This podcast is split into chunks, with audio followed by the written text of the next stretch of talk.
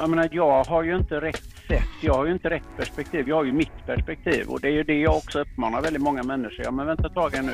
Ja det är ditt perspektiv men andra har ett annat perspektiv. De ser de här sakerna från ett annat håll, från en annan livserfarenhet. Du kan inte vara så dummande, du kan inte vara så snabb i dina slutsatser.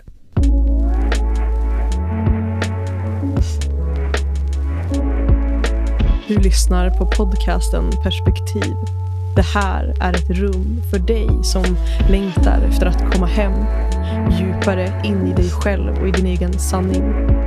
Det här är ett rum för dig som längtar efter att fördjupa relationen till dig själv och till andra människor.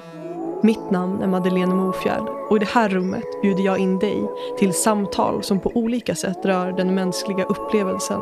Och jag, jag är här för att lyfta nya perspektiv.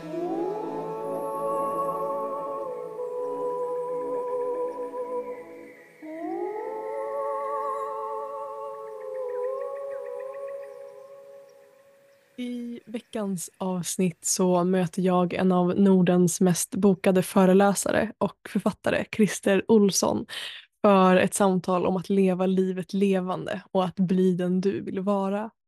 Hur kommer det sig att så många har så bråttom och vill hinna med så mycket så snabbt och så tidigt i livet? Vi pratar om vikten av att ha acceptans och att våga tro på att det du drömmer om faktiskt är möjligt. Något som Christer lyfter så fint är också just det att eh, hur livet faktiskt är ett tillsammansprojekt och att vi faktiskt inte klarar oss utan varandra. Att det är menat att vi ska samarbeta och komma samman. Perspektiv som för mig känns så djupt, djupt relevanta i den tid som vi lever i idag. Samtalet med Christer har tagit oss över två år att få till. Så när den här bokningen äntligen gick lås och vi lyckades hitta en lucka för att mötas så kändes det självklart att tacka ja till att mötas online. Tyvärr så blev det lite på bekostnad av ljudkvaliteten för det här samtalet. Så för dig med känsliga öron så vill jag varna att eh, ljudkvaliteten inte är lika bra som den kanske brukar vara i podden. Jag hoppas att din upplevelse under den här kommande timmen ändå ska bidra med massor av inspirerande och ögonöppnande perspektiv från Nordens mest bokade föreläsare, Christer Olsson. Och skulle det vara så att du uppskattar det här samtalet så får du jättegärna ta en liten stund av din tid och lämna en recension i appen där du lyssnar. Eller kanske till och med dela det här på din story och tagga mig. Mitt namn är Madeleine Mofjärd och du hittar mig enklast på Instagram under namnet Mofjärd utan ä. Och skulle du vilja dyka djupare in i mitt arbete så hittar du alla aktuella kurser och program på mofjärd.com. Nu har det blivit dags att bjuda in Christer till samtalet.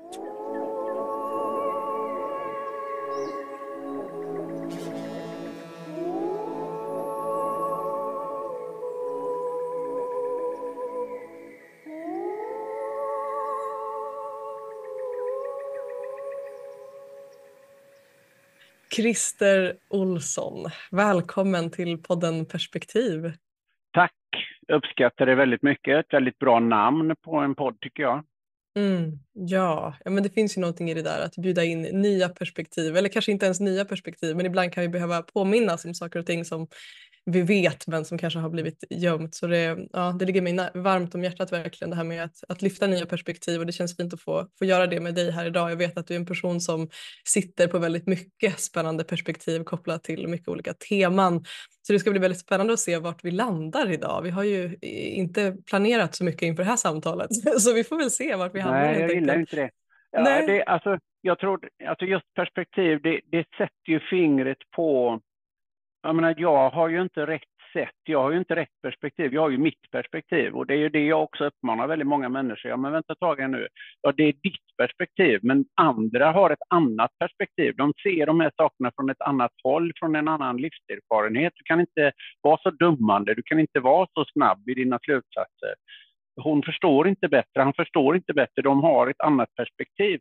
Eh, och det, det, det är en så otroligt grundläggande idé som människa att förstå liksom att det finns ingen verklighet. Det finns lika många verkligheter som betraktare. Mm. Det finns lika många perspektiv som betraktare och vi vet inte ens om de andra ser samma saker som vi gör. Eh, vi har samma eh, förklaringsmodeller så vi utgår från att vi ser samma saker men det vet vi inte. Jag tycker det är jättespännande tankar. Mm, verkligen och just det här att vi liksom ser världen också utifrån olika linser och så här, ja men har vi ja, samma lins eller har vi inte det och troligtvis har vi ju som du är inne på verkligen inte det liksom och, Nej. och hur det verkligen Likartad kan... men inte samma. Ja. Ingen Nej, har samma lins.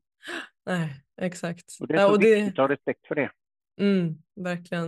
Nej, men och ett annat perspektiv som jag tycker är intressant som jag vet att du pratar om mycket också som verkligen känns i linje för mig och i mitt arbete med podden är just det här att det inte heller finns något perspektiv som är rätt utan alla perspektiv ja. eh, har sin plats och funkar olika bra för olika människor och det är precis så som det ska vara. Liksom. Um, så det känns också som en fin grund i det hela. Men jag tänker att innan vi dyker in i, i, i dessa spännande teman som vi kommer att röra oss idag så är jag nyfiken på att checka in med dig Christer. Hur, hur mår ditt hjärta idag och hur är det att vara Christer idag där du sitter? Ja, ovanligt bra faktiskt. Ovanligt bra. Jag har fått eh, tre nya bokningar av polisen. Jag har fått eh, sex heldagar bokade av en bank. Jag har liksom så att, eh, och jag lever ju med ständigt tvivel om jag verkligen kommer att få fortsätta arbeta med det jag älskar. Eh, men det får jag eh, ett tag till. Så jag, jag, jag mår väldigt bra. Jag hade en hektisk vecka förra veckan. Jag har en normal vecka denna veckan. Det är därför jag har privilegiet att vara hemma idag. Jag ska ha en coachning här i eftermiddag och gästas av eh, några UF-företagare, vilket jag uppskattar väldigt mycket. Att få träffa tre unga tjejer som driver ett väldigt spännande UF-företag som ska hjälpa äldre med IT-utmaningen. Eh, och eh, jag har en väldigt hektisk nästa vecka. Jag gillar den typen av tempoväxling. Så att tack, jag mår väldigt bra. Jag har haft riktigt bra helger med liksom barn och barnbarn och utvilad och sugen på att jobba. Gud vad fint. Jag hörde dig nämna att du sitter med, eller att det kan finnas tvivel i så här, men kommer jag få fortsätta göra det här? Är det någonting ja. som är närvarande ofta hos ja. dig? Eller hur, ja, hur? det är det. ja. jag, jag har ett ständigt tvivel eh, på, på mig själv. Det kommer fram så många unga, duktiga tjejer och killar eh, med så vettigt att säga. Så att, att jag är så fascinerad över, jag kallar mig resan i sunt bondförnuft och, och fiskarpojk. Och liksom, jag, jag, är så fascinerad över att mina enkla bilder fortfarande attraherar så många människor. Jag är oerhört ödmjuk, tacksam för det. Så jag älskar verkligen att vara ute och förmedla mina tankar och idéer som jag ju tror väldigt mycket på. Men det där tvivlet är väldigt konstant. Jag är ju 67, folk frågar när jag ska gå i pension. Ja, när min publik bestämmer är svaret. Exakt. det, det bestämmer de. Så länge de vill lyssna kommer jag fortsätta.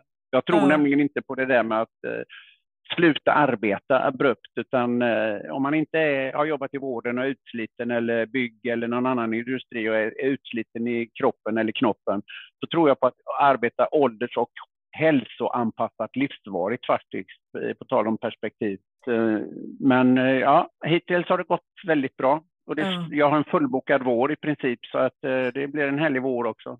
Fantastiskt. Men jag tänker också det ja. du är inne på. Jag tror du sätter finger på någonting där när du säger det här dina enkla bilder. Jag tror det här med enkelhet kanske eller det tycker jag mig se i alla fall i ditt arbete, att du också har ett sätt att förenkla saker som kanske kan vara väldigt komplexa som gör att det är lätt att ta till sig. Jag tror att det också kan vara någonting som verkligen når och resonerar med många människor så. Eller det är min upplevelse i alla fall i hur du kommunicerar ditt budskap och dina perspektiv.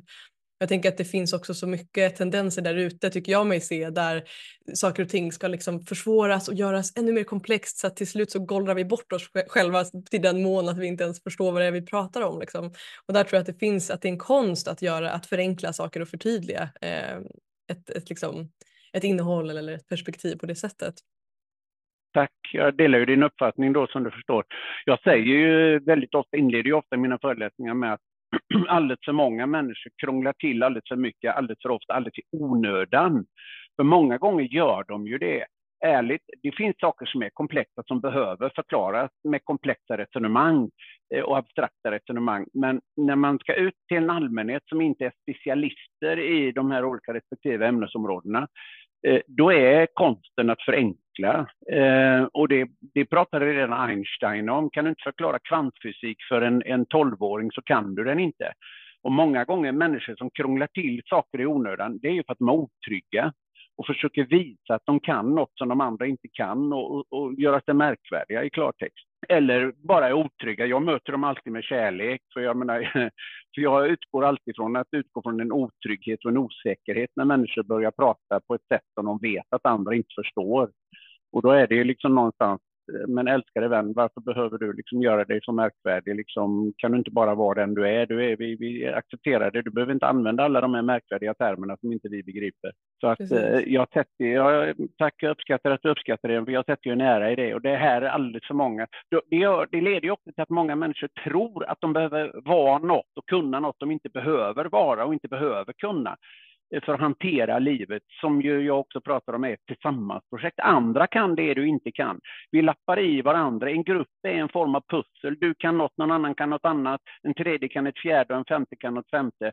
Och sen lägger ni ett pussel och så blir det en fantastisk bild och en underbar, total, komplett kompetens. Exakt, så verkligen att vi alla behövs på det sättet. Och jag tänker det, du är också en person som har liksom setts i mycket poddar eller hört i mycket poddar setts i mycket mediala sammanhang och eh, liksom lyft mycket eh, perspektiv på olika sätt. Eh, och jag tänker det, finns det någonting sådär eh, för lyssnarna som lyssnar nu men också från, di från ditt håll, så något som du känner så att du skulle önska att fler människor visste om dig som kanske inte kommer fram eller som inte har liksom gjorts tydligt? Eller finns det någonting som är bra för lyssnarna att veta om dig eller någonting du önskar att fler visste? ja, säkert mycket mycket. Men nu, jag, får ju, jag får ju ofta frågan, eh, vad skulle du, jag har fått, eller inte ofta, men jag får frågan då och då, vilket råd skulle du ge ditt 30-åriga jag? Eh, och det kanske är liksom någonting, för jag menar, jag, och det är ärligt, liksom det är att inte ha så brått. Tänk mm. långsiktigt, ha inte så brått. Var inte smart, ta inte genvägar. Det har jag försökt. Jag har försökt ta så många genvägar. Jag har försökt vara smart när jag skulle spara pengar eller köpa aktier och sånt. Istället för att bara spara långsiktigt, tänka långsiktigt, bygga verksamheter långsiktigt, bygga kunskap långsiktigt. Bestäm dig för någonting, tänk långsiktigt. Det är mitt viktigaste råd. Jag har varit lite, jag har lite låg impulskontroll. Jag har varit lite för snabb på att förändra saker lite för, för snabbt. Så att eh, du har mycket mer tid på dig än du anar. Är man 30 år, brukar jag säga, då har man bara vuxit upp i fem. Din hjärna utvecklas tills du är 25. Min utgångspunkt är att man växer upp tills man är 25. Eh, så när man är 30 eller är man 40 så har man bara varit vuxen i, i, i 15 år. Och man har minst 30 om man får leva och ha hälsan eh, och Gud det dröjer som farmor sa. Så har man minst dubbelt så lång tid. när man är 40 har man minst dubbelt så lång tid framför sig som vuxen som man har bakom sig. Och du hade en gäst, såg jag, eh, som är en av mina förebilder, Kai Pollak. Eh, han är 85, still going strong. Eh, det är liksom, det, det, jag menar då, jag, jag är 20 år yngre. Han är en jätteintressant förebild. Verkligen, oh ja. Så att vi har det... mer tid än vad vi tror. Och det är mm. väl det liksom att jag skulle vilja förmedla och det jag liksom, det är en insikt som har kommit med åldern att, att jag har mer, och jag har ju samma nu, behöver lugna mig lite grann, inte ha så brått, unna mig att ta lite ledigt, inte vara så på, Eh, för att jag har faktiskt mer tid än vad jag tror. Utgår jag från att jag får leva som Kai och jobba som Kai så har jag 20 år på mig. Då hinner jag träffa många människor och göra många jobb. Mm, exakt, ja, men det är fantastiskt. Jag tror också det är lätt att vi fastnar i det där perspektivet av att det, allting är bråttom hela tiden. Men vad händer om ja. vi liksom mjuknar i det lite och ja. slappnar av lite grann ja. ehm, och parallellt kan hålla perspektivet av att vi också så här, ja, vi har också bara nuet. Så kan man också se det, men just det här att eh, som jag vet att du också är inne på ofta att här, vi, behöver hålla två perspektiv samtidigt. Det är inte bara det ena eller andra så. utan båda får finnas där. Mm. Jag tänker det, du är ju Nordens eh, mest eller kanske en av de mest bokade föreläsare. Jag vågar inte säga eh, helt där vad som är exakt rätt men en av Nej, Nordens mest bokade. Ja, det är det att jag inte vill att man ska presentera mig som bäst. Jag gillar ju inte definitionen på människor som bra eller dåliga. Utifrån det resonemang vi hade förut. Utan mm. människor är olika bra på olika saker. Så när man påar mig på scen så vill jag inte, jag har vunnit sådana där liksom årets talare och sånt, men eh, eh, däremot kan de gärna säga att jag är en av de mest bokade, för det är liksom, det, så är det. Det är liksom ett neutrum, det ligger ingen värdering i det. Jag gillar mm. inte bra och dåligt. Därför mm. är det en bra liksom, eh, att jag är mest bokad behöver ju inte nödvändigtvis innebära att jag är bra. Alla kan ju boka det... mig en gång men ingen mer gång. Exakt, det är upp till beskådaren att avgöra. Ja. Precis. Nej, men ja, det, och det, jag tänker att det, ändå, det sätter ändå någon typ av, eh, det berättar ändå för oss att ditt arbete är uppskattat på många, många håll eller att många dras till ditt arbete så, och ja, att, du har no, att du har nått många människor i alla fall. Och jag tänker där utifrån det så rör du dig ju både i, med individfokus, du jobbar i grupper, eh, med ledarskap på olika sätt och jag är ju nyfiken då på att höra från dig. Vad skulle du säga är liksom din drivkraft i det här arbetet som du också har gjort nu i över vad är det, 30 års tid kanske? Eh, vad är ja. liksom den här elden som gör att det här känns meningsfullt för dig att röra dig i den här världen? Så. jag tror det mest grundläggande är det som gäller alla människor egentligen. Eh, behovet att få vara behövd. Och sen tror jag just det här också, eh, lyckan i att få hjälpa andra människor, den återkopplingen som jag får nästan varje dag i, i mejl och olika meddelanden, att, att, att jag har fått betyda något för någon längs vägen. Det är så enkelt faktiskt, eh, att det är det eh, jag brinner för. Jag, jag kickar oerhört mycket på det att, att eh, särskilt som i eftermiddag, jag ska träffa de här UF-tjejerna, tre unga tjejer som är i ett UF-företag Eh, att få hjälpa dem och få en ökad tillit till sig själva. Eh, jag pratar ju mycket om att du vet mer än du vet att du vet. Och det jag brinner mest för det är att få människor att förstå att nej, du behöver inte en kurs till, du behöver inte en bok till. Du har allt det som du behöver. Våga veckla ut dig och frigöra din omedvetna potential. Alltså att någonstans att försöka hjälpa fler Eh, att frigöra den potentialen de har genom att lita på att de duger som de är. Det är väldigt mycket det jag brinner för. Mm, ja, gud vad vackert. Jag tänker det här du är inne på att, att det finns en, en drivkraft i det här att vara, vara behövd och att få bidra till människor på olika sätt. Är det, ett, är det någonting som du tror finns i oss alla människor eller tror du att det kan vara ja. individuellt? Jag tror att det är fallet. Nej, ja. nej, ja. nej, nej, det är existentiellt. Mm. Alltså när man, när man forskar på lycka så är det två faktorer utan vilka du inte kommer att kunna känna lycka. Och den mest grundläggande det är just det här. Och det är ju det som vi tyvärr, eh, ett antal människor inte får lov att känna. Det är just behovet att vara behövd. Eh, därför gör jag ju ofta så också när jag eh, jobbar med människor. Jag träffar på rimligt frekvent. Så sent som i förra veckan träffade jag en kvinna i Stockholm som jag rådde att söka sig till volontärverksamhet, för hon upplevde inte att hon fick bidra. Hon upplevde inte att hon gjorde någonting liksom viktigt och hon upplevde sig ensam. Jag sa, du behöver inte vara ensam. Det finns mängder av människor som behöver dig. Det finns mängder av volontärverksamheter och så resonerar vi om olika typer av volontärverksamheter som hon kunde engagera sig i. och det hade hon liksom bara inte gjort. Jag sa, nej men ärligt, ska du jobba med mig och vill du att vi ska träffas igen så, så då förväntar jag mig att du redogör för liksom hur dina kontakter med ett par, tre volontärverksamheter har varit. Eh, för det, det, det, är väldigt, och det, det, här är liksom genetiskt för oss, att få betyda något för flocken var en överlevnadsfaktor en gång i tiden. Eh, och alla fick betyda någonting. Vi var väldigt mycket klokare för eh, vi visste liksom att det är skitbra att ha ADHD-människor som jägare och stigfinnar hittar nya jakt och boplatser, men det var jättebra att ha en fegis som satt hemma och salta och sylt ifall inte jägarna kom hem. Eh, och vi delar lika på bytet. Alltså, vi fattade att olikheter i samverkan. Äldre fick vara hemma och passa barn och göra garn och liksom eh, alla, alla hade en roll och alla behövdes i flocken. Alla fick känna sig behövda. Vi ser ju i, i, våra olika ytterområden vad som händer med människor som hamnar utanför samhället, som inte känner sig behövda. Konsekvenserna av det är förödande för, för dem själva och dess omgivning och samhället i förlängningen. Mm. Men vad tror du att det beror på? För jag tänker att det, det, finns ju något i det där som du är inne på att olikheter förr kanske var mer att vi faktiskt såg det som styrkor men att vi nu mer och mer, tycker jag mig se i alla fall, har rört oss till liksom en plats där olikheter är någonting som vi på många sätt i samhället liksom jobbar emot. Att alla ska vara stöpta i samma form. Har du någon diagnos så är det ett problem. Du hamnar utan, alltså, som du är inne på det här utanförskapet. vad, vad tror du har liksom hänt? Varför har det blivit så att vi har skapat det här som vi har skapat? Ah, nu låter jag ju väldigt pretentiös, men kom ihåg att det här är olika perspektiv. Det här är mitt mm. perspektiv. Eh, men eh, det långa svaret eh, som jag faktiskt gillar, det är alltså en, en gång i tiden så hade vi ju, vi hade ju liksom en, ett, ett vi levde tillsammans i ett samhälle som var väldigt mycket ett tillsammans-samhälle. Vi hjälptes åt och så vidare. Sen kom industrialiseringen och med det kom också liksom, eh, klassamhället, om vi drar det väldigt, väldigt tydligt. Men det kom klassamhället. Det var liksom patron och det var brukspatron och det var storbonden och eh, hela det här. Eh, och, och, det ledde liksom genom generationer till ett väldigt eh, eh, ojämlikt klassamhälle. Sen kom, om vi tar det brutalt förenklat, det här är helt ovetenskapligt, alla ni som kan det här på riktigt. Eh, men så kom eh, i nutid socialdemokratin in och sa liksom att nej, det här är ett, vi ska skapa ett jämställt samhälle.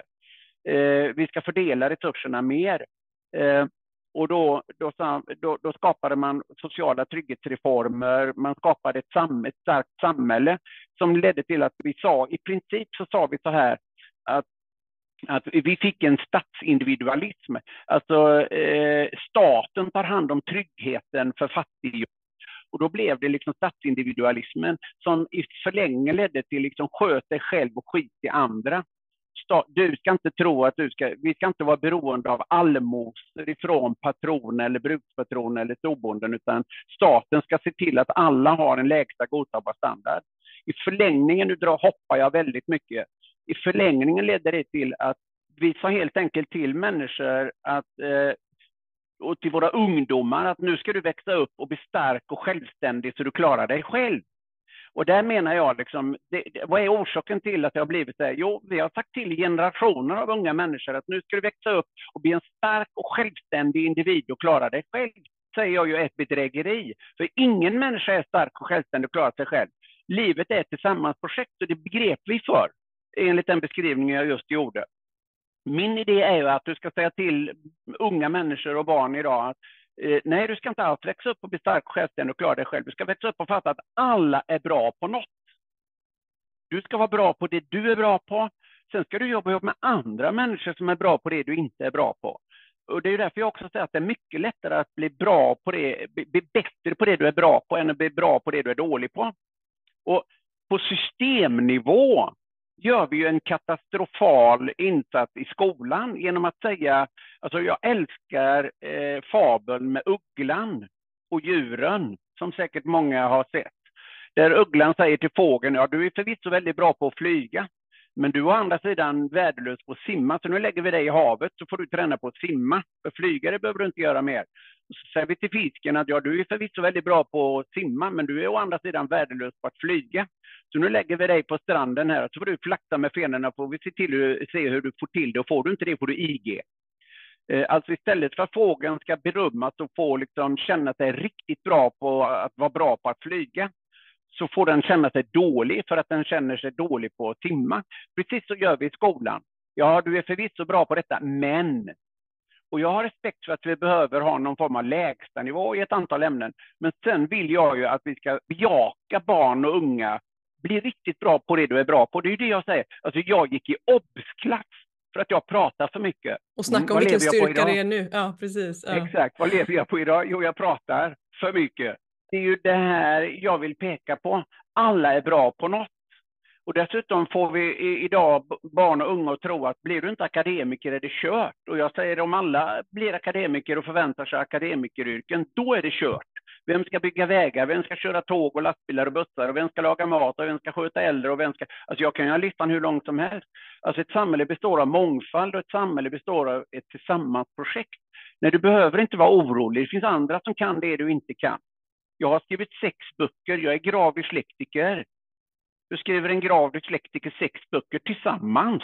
Jag behöver inte kunna det, det finns andra som kan det. Jag sköter inte min ekonomi, jag sköter inte mina sociala medier. Kristina sköter min ekonomi, Gabriella sköter mina sociala medier, Lena hjälper mig med mina böcker och andra saker. Alltså jag, jag har ett antal människor runt mig som hjälper mig med saker och ting. Mm. Och, och, så vill jag att alla ska tänka. För eh, många, att många mår dåligt är att de tror att de är ensamma i världen. Nej, det är du inte. Människor vill dig väl.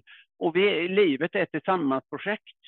Och den är så fin, det är så fint det du delar för jag tänker att det går ju emot mycket av det som vi har blivit lärda, liksom, som du är inne på. Det här att vi ska bli så självständiga och klara oss själva och vad gör det med oss? Att det sätter också en sån enorm last på, på våra axlar. Jag tänker också hur, hur många människor och många unga idag lider av psykisk ohälsa, höga krav på sig själva, det, jag tänker att det är inte rocket science heller att det har blivit så när vi lever i ett samhälle som är eh, så hårt, liksom, alltså matar oss med det perspektivet att vi ska klara allt själva. Så det är väldigt fint ja, att bli påmind. och det ska gå så fort. Just det, ja. Det ska gå så fort.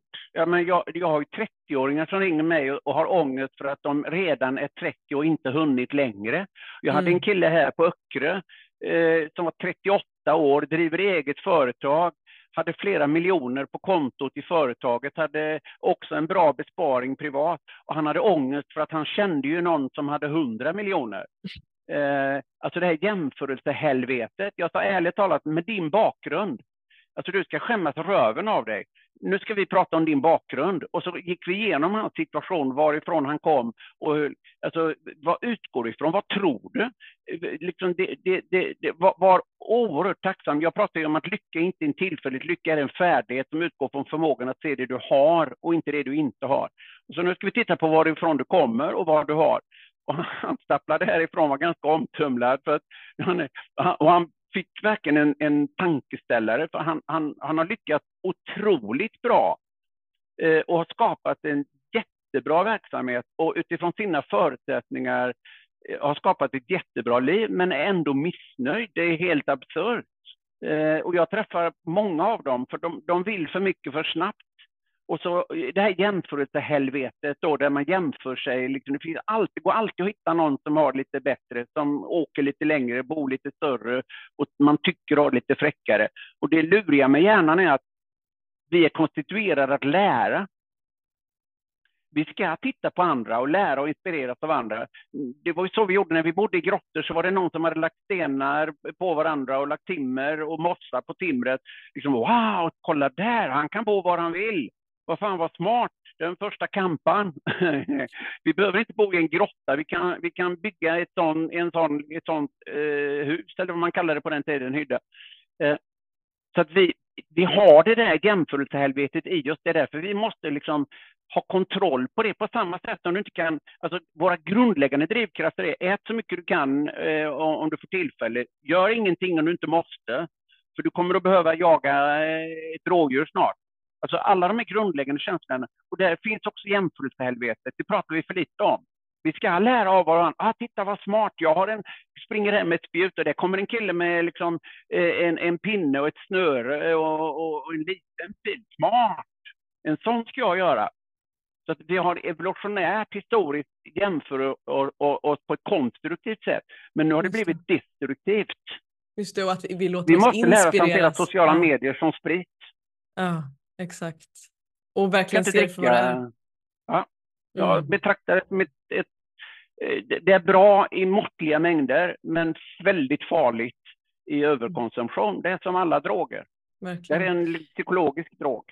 Jag tänker det som du också beskriver det här att, och som jag tolkar också att du får möta många klienter som kanske kommer till dig som har liksom, jag tänker utåt sett lyckade liv som har uppnått mycket av det som många människor kanske strävar efter.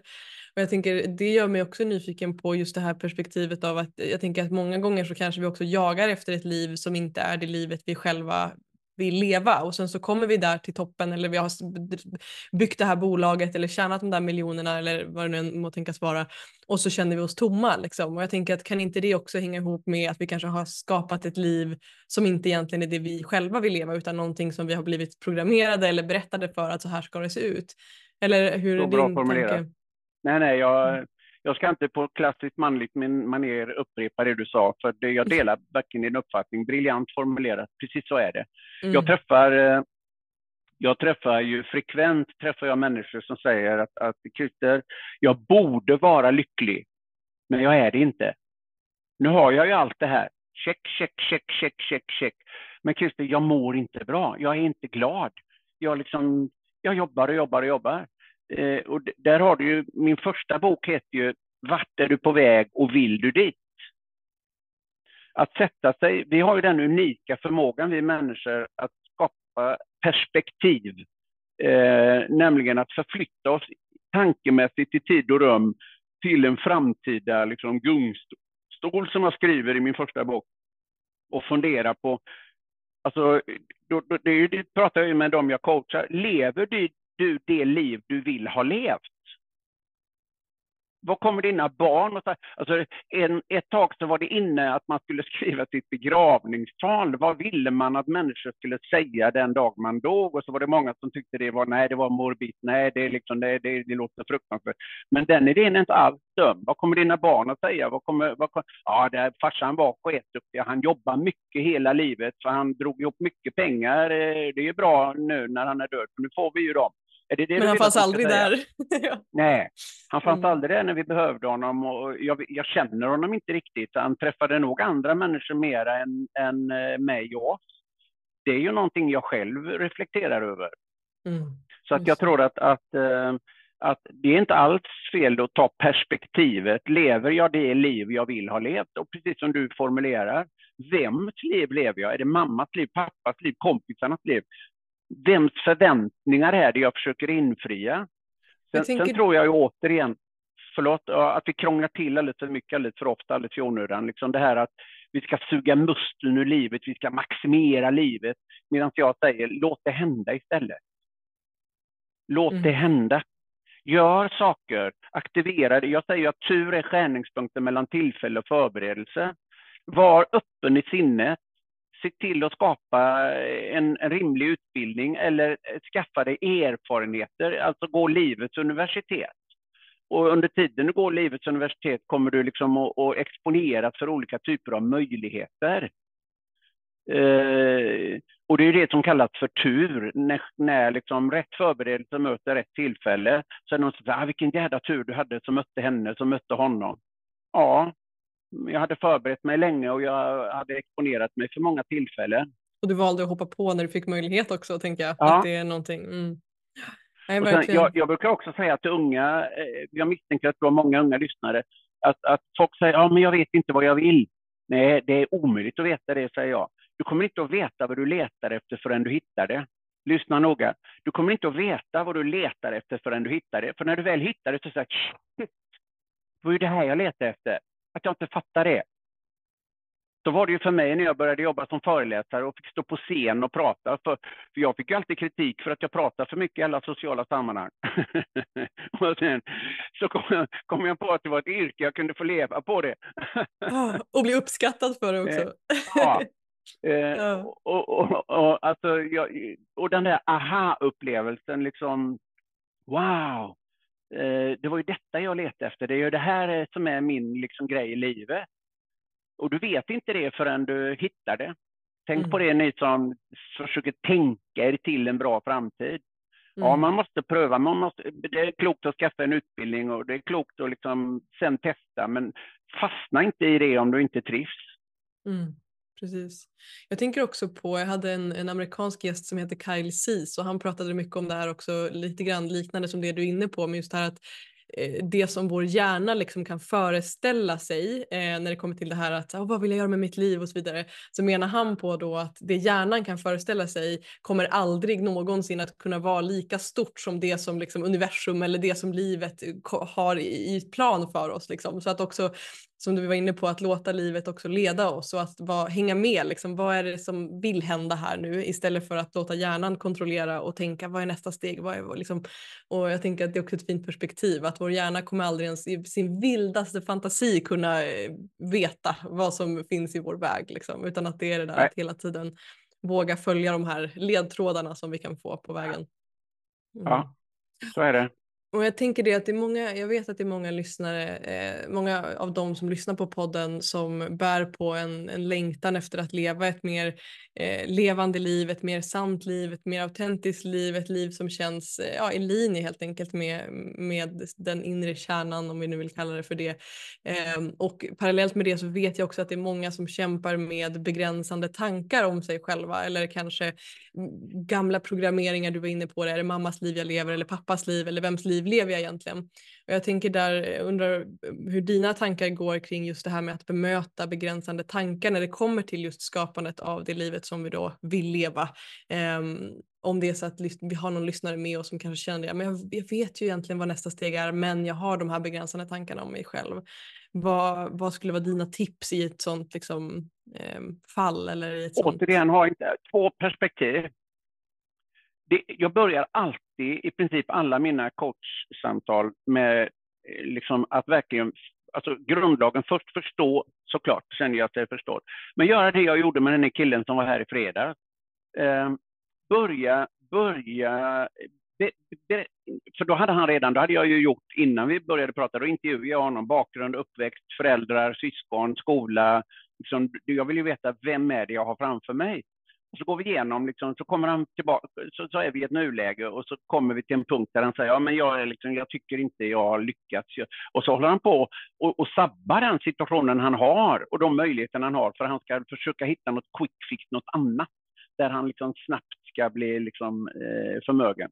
Och, eh, och då, då gör jag det, en övning jag väldigt ofta gör. Vänta ett tag nu, nu vill jag att du hjälper mig igen.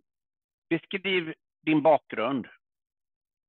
Och jag gör detta ibland eh, också med penna och papper. Skriv upp allt som har hänt dig i livet. Och det är ett tips till er som lyssnar. Skriv upp händelser, skit i om det är i kronologisk ordning. Skriv upp allt som har hänt dig i livet. Eh, skola, uppväxt, mobbad, eh, mobbare, vad den har varit. Massor av händelser som dyker upp i ditt minne. Skriv upp, bara det är en häftig händelsekedja. Och sen funderar du på vilka färdigheter och förmågor måste faktiskt en människa ha som har klarat allt det jag har klarat. Du har haft en skituppväxt, ja, vad har det lärt dig? Vad du, du, du har uthållighet, grit som det heter numera då.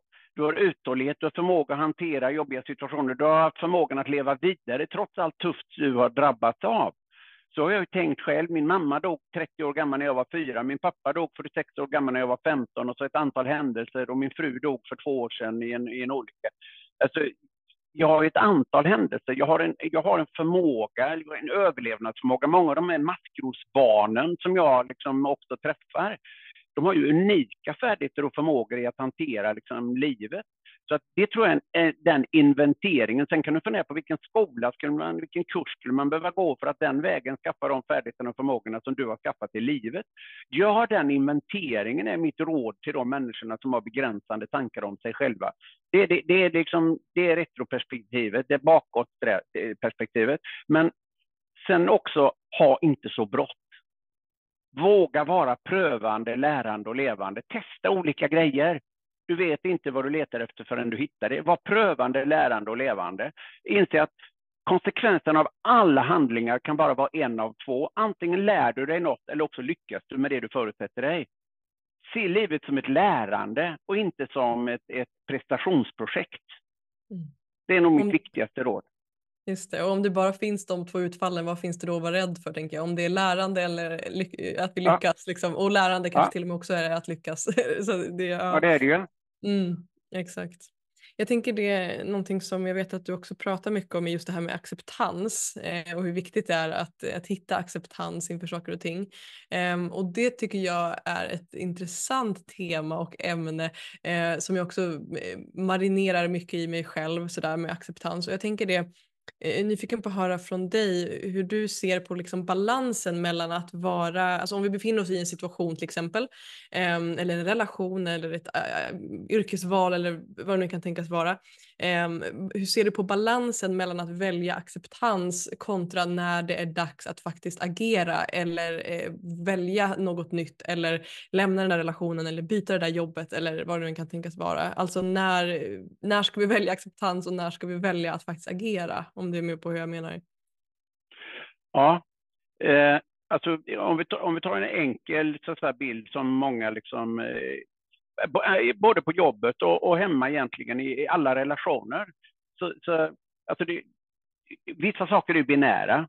Våld och kränkande liksom, eh, handlingar från omvärlden, de ska du ta dig ur omedelbart. Eh, men annars så pratar jag ju väldigt mycket om, både på jobbet och hemma, så pratar jag mycket om en bild som, som eh, där jag säger att och den ju från början från att när jag utbildar ledare och chefer så du måste du måste gilla minst 70 procent av de besluten du ska verkställa. Annars kommer du att må dåligt som chef och ledare. Eh, 30 procent får du acceptera att du inte gillar. Du ska verkställa de besluten. Eh, någon annan har fattat beslut. Du kan jobba i en politisk organisation eller jobba i en organisation där någon gör saker som du, ja men så här hade inte jag gjort om jag hade ägt bolaget. Nej, men nu gör du inte det. Utan hon som äger bolaget vill att du ska göra så här och då får du göra det. Eh, och eh, helst ska du gilla allt, men ner till 70 procent för att acceptera. Sen säger jag samma om relationer. Fast där använder jag 80 procent. Jag, jag sa ju alltid det om, om Karina, min fru. Jag älskade Karina till 80 procent och resten har jag bestämt mig för att acceptera. Och jag tror att jag menar, det, det, det, det, finns inga perfekta människor. Du är ingen perfekt. Jag är väldigt glad över det. Jag älskar mina barn till 80 procent och resten bestämmer jag mig för att acceptera. Jag har ingen perfekt pappa och de är inga perfekta barn. Eh, det är en väldigt härlig liksom, inställning eh, och insikt. Eh, mm. Och sen får ju var och en avgöra liksom, vad man ska acceptera och inte acceptera. Eh, när det gäller olika perspektiv och dimensioner i, i, livet. Det får man ju prata om. Eh, vissa saker är ju binära för mig, liksom, alltså väldigt, det, det är noll och ett. Det, det, liksom, det här är helt oacceptabelt. Och för några andra så är det liksom, nej, men för oss är det helt okej. Okay. Och, och, att leva liksom, men, men, att ha klart för mig att eh, ska jag funka i livet, och det gäller ju själva livet, det gäller ju också mig själv. När du är inte perfekt, grattis, du är en människa. Eh, älska 80 procent av dig själv och acceptera resten. Den är viktig, jätteviktig, för acceptans är en otroligt viktig eh, faktor i livet. Acceptera att andra människor har andra åsikter, acceptera att saker händer som du inte kan påverka. Alltså accept är så viktigt. Ja, verkligen. Jag tänker att det är också från den platsen som vi kan skapa sen eh, förändring. Liksom, att det, det finns ja. någonting. Jag tänker i relation till, du delar här att du eh, miste din fru för två år sedan. Hur skulle du säga att eh, acceptans har varit en del i det? Hur har liksom, det perspektivet funnits med i liksom, sorgeprocessen? Och... Alltså, det, det låter brutalt, men nu när jag har liksom, två och ett halvt års distans då, eh, någonstans att acceptera. Jag kan inte önska henne tillbaka hur jag än bär mig åt. Det är någonstans abbedissans bön. Som ni har hört eh, i, i varianter. Liksom. Eh, eh, Herre, ge mig kraft att påverka det jag kan påverka. Ge mig tålamod att acceptera det jag inte kan påverka. Eh, och, och ge mig förstånd att begripa skillnaden. Så att eh, när det här händer så, så, så ramlar jag ju faktiskt ner i ett svart hål såklart. Efter att först ha varit väldigt rationell och så, här, så ramlar Men att acceptera, nu är det så här. Nu kan jag välja. Alltså när jag är förbi chock och traumaeffekten och den liksom plötsliga sorgeffekten, då får jag ett val. Ska jag le fortsätta leva livet levande eller ska jag leva livet sörjande? Jag kommer alltid att sakna Karina, men jag får ändå ett val. Och det menar jag, jag måste acceptera. Nu, det, nu är det så här, jag kan välja att göra det bästa av det, jag kan välja att göra det sämsta av det. Okej, hur väljer jag att göra det bästa av det med respekt och hänsyn till liksom allt det vi har gemensamt, med respekt och hänsyn till mina barn och barnbarn och så vidare. Eh, och så får jag börja bearbeta mig själv. Eh, och med två och ett halvt års distans kan jag liksom föra det rationella resonemanget, men då var det ju inte enkelt, utan det är ju någonting som man måste liksom låta få ta tid och växa fram. Och mm. återigen, finns det inget rätt sätt att hantera en sån situation på olika människor har olika perspektiv, olika människor olika sätt att hantera det på. Men mitt sätt är att jag är nog väldigt, och det kan ha att göra med det här att mamma dog tidigt, pappa dog tidigt. Okej, okay, nu är det så. Jag kan inte göra något åt det. Nu får jag göra det bästa av det. Så jag är nog väldigt liksom, accepterande, väldigt pragmatisk. Okej, okay, nu är det så här, vad gör vi då? För det har hänt mm. med andra saker i livet och då har jag just agerat då. Okej, okay, nu är det så här, det är ingen idé att jag är förbannad på det. Det är ingen idé att jag är bitter över det. Nu är det så, så gör jag det bästa av det. Skulle du säga att det finns någon Alltså om vi pratar liksom valda sanningar eller eh, ja, sanningar om eller idéer om sorg som du, har, som du upplever har förändrats i dig i och med att, att din fru gick bort? Eh, eller är det ja. någonting i dig ja, som... Ja. Och definitivt är det många valda sanningar. För du, man ger ju sig in i ett område liksom där det finns många rätt, där det finns många människor som anser att det finns rätt och fel sätt mm. eh, att förhålla sig till saker och ting. Och, och, och jag har skrivit en, en ny bok som heter Bron mellan två liv. Eh, som handlar om alla mina reflektioner efter eh, det här. För det var ju en så livsomtumlande händelse som var, min fru dog för er som inte känner till då. Jag var i Oslo och fick ett samtal helt plötsligt bara eh, att, att, från min äldsta son som säger mamma är död. Eh, hon, jag var i Oslo och jobbade, Karina var här hemma och vi skulle sammanstråla i Stockholm och träffa vårt femte barnbarn. Så på morgonen när Karina står upp och går ner för trappan så får hon en liten, liten hjärnblödning. Mm. Som hade hon fått en tre sekunder tidigare eller senare hade hon bara vinglat till och undrat vad hände. Mm. Men hon får den på ett väldigt olyckligt ställe i trappan som faller eh, framstupa och slår huvudet i hallgolvet och avlider eh, omedelbart. Och Eh, jag, jag har ju lärt mig otroligt mycket under den här perioden och en av de sakerna som mitt perspektiv då på det här med sorg och saknad är att jag gör skillnad på, på sorg och saknad. Jag kommer ju att sakna Karina för resten av livet. Eh, men sorg har jag fattat, det svarta, sorgliga, det är väldigt ofta kopplat till ånger. Jag ångrar mm. att jag inte sa till mamma, jag ångrar att jag inte sa till pappa, jag ångrar att jag inte tog mamma till Jerusalem som jag hade lovat och så blev hon sjuk och så blev det inte av. Jag ångrar att jag inte eh, bad om ursäkt, jag ångrar att jag inte förlät, jag ångrar. Jag får många sådana kommentarer från människor. Och det har jag, en av de perspektiven jag har lärt mig att jag är vant, orsaken att jag har kunnat gå vidare så som jag har gjort är jag fick frågan eh, i, i en annan podd, Framgångspodden med Alexander. Då säger han, Christer, vad skulle du göra om du fick en vecka till med Karina? Eh, svår fråga. Nej, så det är absolut ingen svår fråga. Det var en av de lättaste frågorna. Eh, jag skulle göra absolut ingenting. Vi skulle kramas i en vecka.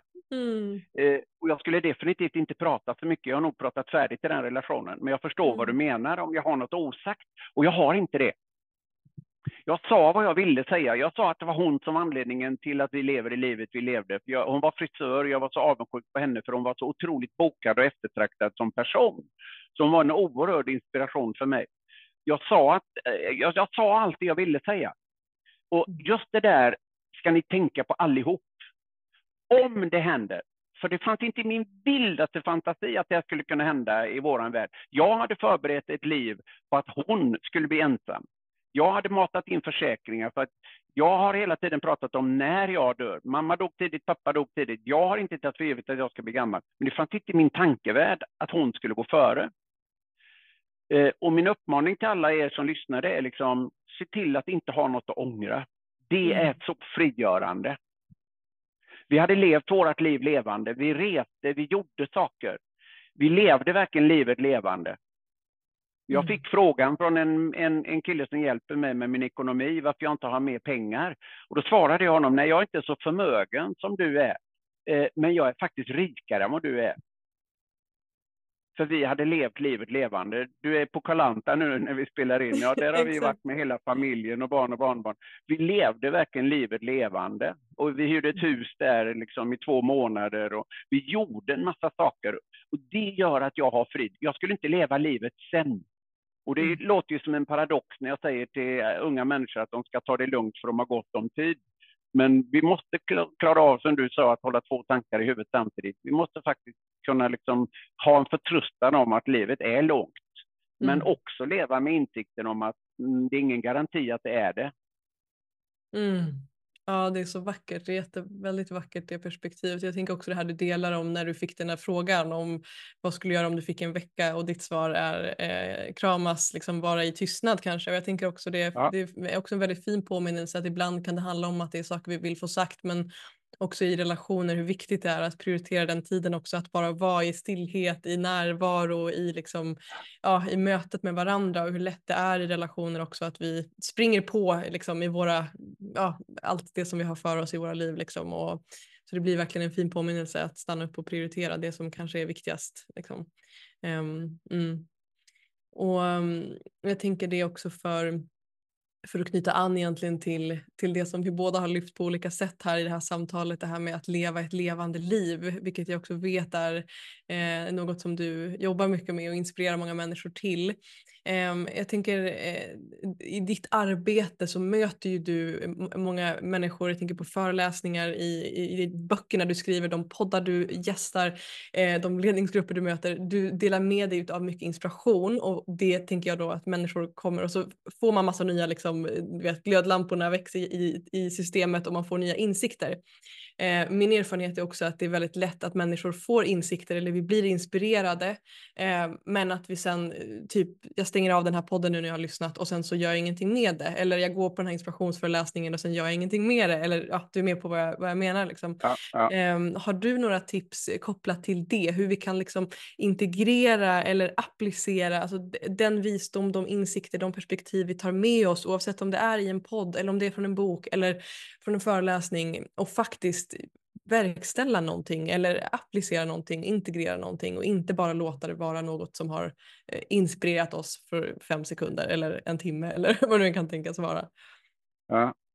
Ja, alltså det är det här att vara prövande, lärande eh, eh, och levande. Jag, jag, jag, jag, det är helt enkelt att, att, att, gör, att var, göra annorlunda varje dag. Gör någonting annorlunda varje dag. Ha inte så bråttom. Men personlig utveckling, folk säger till mig, ah, jag ska tänka på det. Nej, du ska inte tänka. Ditt problem är att du tänker för mycket och gör för lite. Folk tänker sig sjuka idag. Eh, och vi har tillgång till alla de här poddarna, vi har tillgång till alla de här liksom sådana som mig som sitter och säger massa saker och så känner sig människor snarare förminskade än eh, eh att de växer. För att jag säger, själv, själva görandet. Jag pratade med en företagsledare igår som har en lite tuff situation i sitt företag. Det är ett miljardföretag. Eh, och han, han säger liksom, nah, men det går ju tufft nu och vi har liksom en tuff marknadssituation eh, och människor börjar känna, liksom, eh, känna sig lite nere. Och, och då säger jag till honom, håll uppe aktivitetsnivån. Gör saker. Gör för att göra.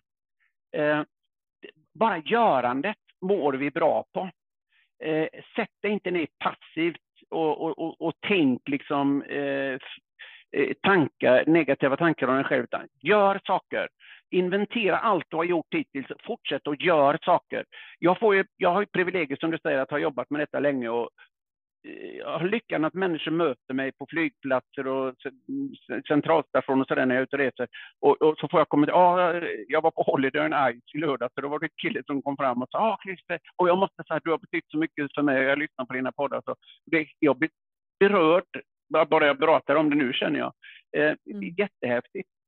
Eh, men då, och då, då, får, då, då, får, då ställer jag ofta en ja, men tack vad roligt att du uppskattar att du har lyssnat, men jag vill veta bara en sak. Vad har du gjort annorlunda efter att du har lyssnat på mig? Och då blir det alltid äh, och då, men, och då är det många som säger, vet du vad, jag, jag gör mer med mina barn, eller jag och min fru har, eller jag och min man, eller jag och min partner, vad jag nu lever i för livssituation. Eh, alltså, då blir jag glad inte bara, ja vi hade en bra happening, det var en bra föreläsning, då sa jag, härligt att du tyckte, och ibland får jag svaret, ja, nej jag vet inte om jag har gjort något efter föreläsningen. Nej, jag är ledsen, men då var det faktiskt ingen bra föreläsning. Nej. så jag är väldigt, och du vet när jag coachar, så är det min första fråga när jag träffar personen andra gången. Nu vill jag att du redogör för mig. Vad konkret har du gjort sedan vi sågs senast? Och du, du säger bara i princip en gång eller två gånger säger du till mig att du inte har gjort något, då avbryter jag coachningen. för, första gången liksom, då, då, då, då kan jag acceptera liksom att, eh, men när man vet att den frågan kommer, om man då inte är beredd att göra någonting, det är därför jag också säger att jag, jag coachar inte människor som inte tränar. Och det var av ett väldigt pragmatiskt skäl. Jag insåg i början när jag jobbade som coach för liksom 30 år sedan, att de som tränar, de gjorde väldigt ofta också andra grejer jag föreslog. Men de som inte tränar, de fick inte tummen ur arslet och gjort det heller. Eh, så att jag lägger ingen värdering i det, utan jag la bara konstaterade bara, mm. De som gör, de som har karaktär och disciplin nog att träna, de har karaktär och disciplin att göra annat jag föreslår också. Och det handlar någonstans om de gamla dygderna karaktär och disciplin. Mm. Görandet. För det, det är göra-fokuset som är min grej och det, är det vill jag att ni ska lyssna noga på allihopa. Don't mm. overdo it, men gör något. Alltså kinesens förhållningssätt, jag tar så små steg att jag tror att jag kommer att gå väldigt långt. Ha inte bråttom, men gör något varje dag. Gör något annorlunda, gör något. Städa en låda, gör vad fan som helst, men gör något. Precis. Men jag, tänker, jag tycker det är jätteintressant det här du beskriver att du inte eh, coachar någon som inte tränar och jag förstår ju verkligen vikten av det där att, att också, jag tänker också rent biokemiskt att det, det är viktigt liksom för, för våra system att vi rör på oss och så vidare. Men jag ja, ja, om någon skulle komma, Ja, men jag tänker om någon skulle komma till... Det kom ju sen och Anders Hansen och så, men, men ja. först var det bara men... karaktär och disciplin. Ja, Nej, men, och jag tänker just det här om någon skulle, låt säga att någon skulle komma till dig och vilja ha hjälp med just det. Jag får inte tummen ur, jag vill börja träna men jag får inte gjort. Eh, ja. Är det också liksom, går det fet bort eller finns det liksom, om en nej, människa ändå visar, ja. Nej, nej, det går inte fet bort alls. Tvärtom, det, det, är ju det vanligaste problemet. De flesta vill ju liksom röra på sig för om man vet att man mår, mår bra. Sen be, träna för mig eh, är viktigt att förstå. Det är inte att man behöver gå på gym eller springa, eller liksom, även om jag kan tycka att det är bra. Men jag har till exempel en företagsledare som är chef över 15 000 människor. Jag säger till honom, jag jobbar inte med dig. Du är ingen bra förebild för din organisation. Jag jobbar inte med dig om, om, om du inte tränar. Han går tre mil powerwalk i veckan. Det. det. räcker för mig. Bra, check på den. Han tänker mycket och han berättar att det har påverkat honom jättemycket. Uh, hans sambo är väldigt glad. det påverkar hans kropp, det påverkar hans hälsa. Alltså, det, det, det, och häromdagen satt i en situation och då sa han, ja, för han hamnade i en tuff situation med en underställd eh, dotterblocks-VD.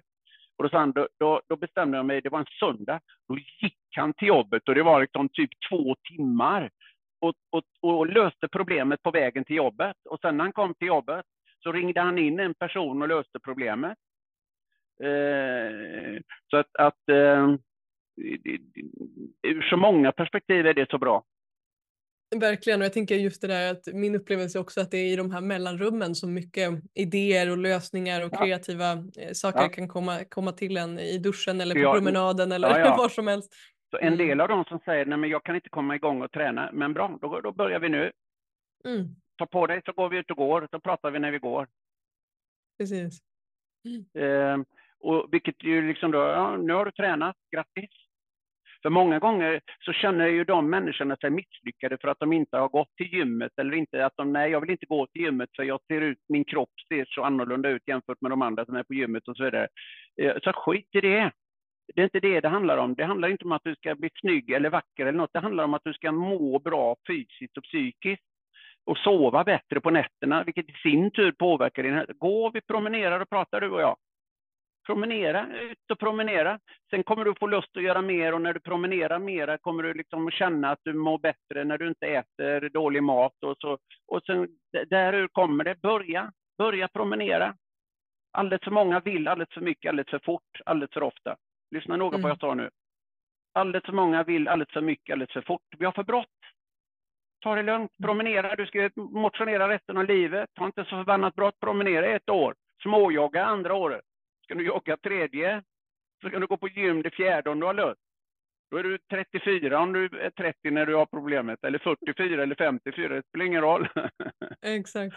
Men jag tycker det är, det är intressant just det här också du lyfter, jag, jag gillar det här också när det blir lite paradoxer i det hela. För jag tycker du lyfter både det här att vi har, att vi har en tendens att bli, att, att att vi har för bråttom eller brott och eh, samtidigt perspektivet av vikten av att göra saker hela tiden. Ja. Och då tänker jag så här, ja. hur kan vi kombinera dem till att också så här, men det kanske också är viktigt att stanna upp eller att ge tid till reflektion eller att, ja. att, att inte hela tiden heller springa på bollar för att vi kanske inte ska ha bråttom? Eller är det mer på vad jag menar? Hur, ja, hur tänker ja, du kring det, att få ihop Men, dem? Mm. jag har min första bok handlar mycket om balansen i livet, ditt sociala liv, ditt arbetsliv och du och din fysiska och psykiska hälsa. I att må bra ingår att vila. Alltså, den, alla som tränar vet att när växer musklerna? Ja, det är inte när du tränar, då bryts de ner. Och i värsta fall, eller i bästa fall, får du träningsverk. Det är i princip små muskelbristningar. Eh, och, och blödningar. Eh, när, när växer musklerna? När du vilar. Och det gäller också hjärnan. Jag, jag har ju en, alltså alla filosofier, religioner som vi kallar dem, alla filosofier och religioner har en dag i veckan då du gör ingenting med gott samvete. Jag har söndagar, inte alltid, men för det mesta så står det GI, göra ingenting. Och i början, mina kompisar, vad ska du göra i helgen? Ingenting. Ja, men vad trevligt, vi tänkte att vi skulle, ursäkta mig, göra ett verb. Jag är upptagen, jag ska göra ingenting. Och då kan jag gå ut i bergen eller sätta mig framför brasan, göra ingen, ingen musik, ingen tv, ingenting, göra ingenting. För, för, för, jag ska gå ut och promenera och så har de poddar i öronen. Eller böcker eller något annat. Nej, Lyssna på koltrasten, lyssna på havet, lyssna på regnet, lyssna på vinden. Gör ingenting, bara var. Indianen sa, sätt dig ner och låt själen komma ikapp kroppen. Det ingår i att sköta sig. Det ingår i att träna sin hjärna, i att må bra. Jag lägger mig klockan tio varje dag, står upp klockan sex varje dag. Låter skittråkigt? Ja, kanske, men jag mår väldigt bra. Det spelar ingen roll om det är lördag eller söndag och jag tränar ålders och hälsoanpassat. Jag tränar inte lika mycket som jag gjorde förr, för jag är 67. Jag, jag, jag har inte som ambition liksom att vara vältränad, jag vill bara må bra. Och det var en professor som jag hade som mentor. Vi var ute och sprang vid ett tillfälle, så stannade han mig. Torbjörn Stockfeldt heter han, har betytt otroligt mycket för mig i livet. Han dog tyvärr förra året i april, eh, 94 år gammal. Men, men vi, vi var på, han var bland annat jobbar på GIH i Stockholm, så sa han vid ett tillfälle, ta med dig dina träningsgrejer så går vi ut och springer. Så det, plötsligt så, så, tar, så springer vi, så tar han mig i armen. Och sa han, Christer, stanna lite. Och sa han, Christer, springer du för att må bra eller för att vara bra? Ja, när jag springer för att må bra, då springer du för fort. jag glömmer aldrig det som en bild på livet. Gud, jag blivit en metafor i livet för mig. Christer, och så tänker jag ofta när jag jobbar. Christer, springer du för att, att, att må bra eller springer du för att vara bra? Nej, jag springer ju för att må bra. Jag jobbar ju för att må bra. Ja, då kanske du jobbar för mycket. Nej, då springer du för fort. Så jag, jag använder mina eh, Oura-ring och min klocka och mina kroppsinstrument för att hålla nere tempot. Så jag är en typ A-person. Det, det är lätt. Släpper jag mig fri, låter jag mitt naturliga jag, då, blir det, då, då, då vill jag för mycket, för ofta, för snabbt. Så jag ja, behöver jättefint. begränsa mig. Jag tänker också att det knyter, ju verkl- det knyter ju också verkligen an till egentligen vart vi inledde det här samtalet också. Att vart, eh, var, nu ska se, vart, vart är du på väg och vill du dit? Alltså just det här att ja. vad är intentionen? Är intentionen att vi ska må bra? Ja, då kanske vi behöver springa eller agera på ett annat sätt än om vi ska vara bra eller vara dugliga ja. som personer eller vad det kan tänkas vara. Så det är verkligen en fin, ja. en fin liksom, sammanfattning på något vis. Och jag tänker det att det börjar bli dags att, att avrunda här när jag tittar på klockan. Eh, och för att göra det så skulle jag vilja höra från dig Christer en fråga som jag ställer till alla mina poddgäster, vilket är om du fick möjlighet att nå hela världen i 30 sekunder, vad skulle du då vilja antingen säga till dem eller göra tillsammans med dem? Då skulle jag vilja prata med dem om att livet är ett tillsammansprojekt. Alla är bra på någonting. Du ska vara riktigt bra på det du är bra på, för alla är bra. Alla barn eh, vill ha stolta föräldrar, alla föräldrar har anledning att vara stolta. Alla är bra på något. Bli riktigt bra på det du är bra på och sen jobba tillsammans med människorna runt dig så kan ni lösa alla problem i världen tillsammans. Det skulle jag säga. Underbart. Så fint. Och för... Enkelt egentligen. Ja, ja precis, egentligen är det, det är så självklart liksom. Men det är just det här som vi också var inne på, det är viktigt att påminna oss om de sakerna som också kanske egentligen borde eller ska vara självklara. Men som inte alltid är det.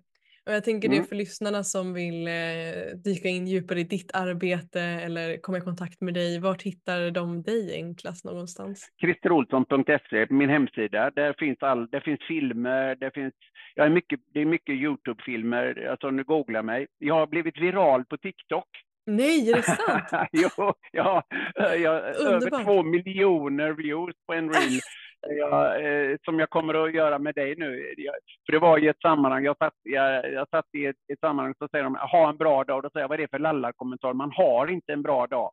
Man gör en bra dag. och det är också en inställning, det är en idé till livet. Eh, och det är verkligen mitt sätt att tänka. Jag är ju idédriven. Men man har inte en bra helg, man gör en bra helg. Man har inte ett bra liv, man gör ett bra liv. Utifrån sina förutsättningar. Nej, alla har inte samma förutsättningar. Alla har inte samma möjligheter i vårt samhälle. Det är inte ens kvalificerat skitsnack, det är okvalificerat skitsnack. Men alla har möjligheten att göra det bästa av sin situation. Eh, och, och, och, det är liksom också min inställning. Jag vill ha en bra dag, men gör en bra dag då. Och då, får jag, då måste jag ta ställning till, vad är en bra dag? Ja, en bra fråga du. Har vi något eh, att fundera på? ja, och vad är en bra helg? Ja, det är olika saker, men gör dig en bra helg, gör dig ett bra liv. Så mm.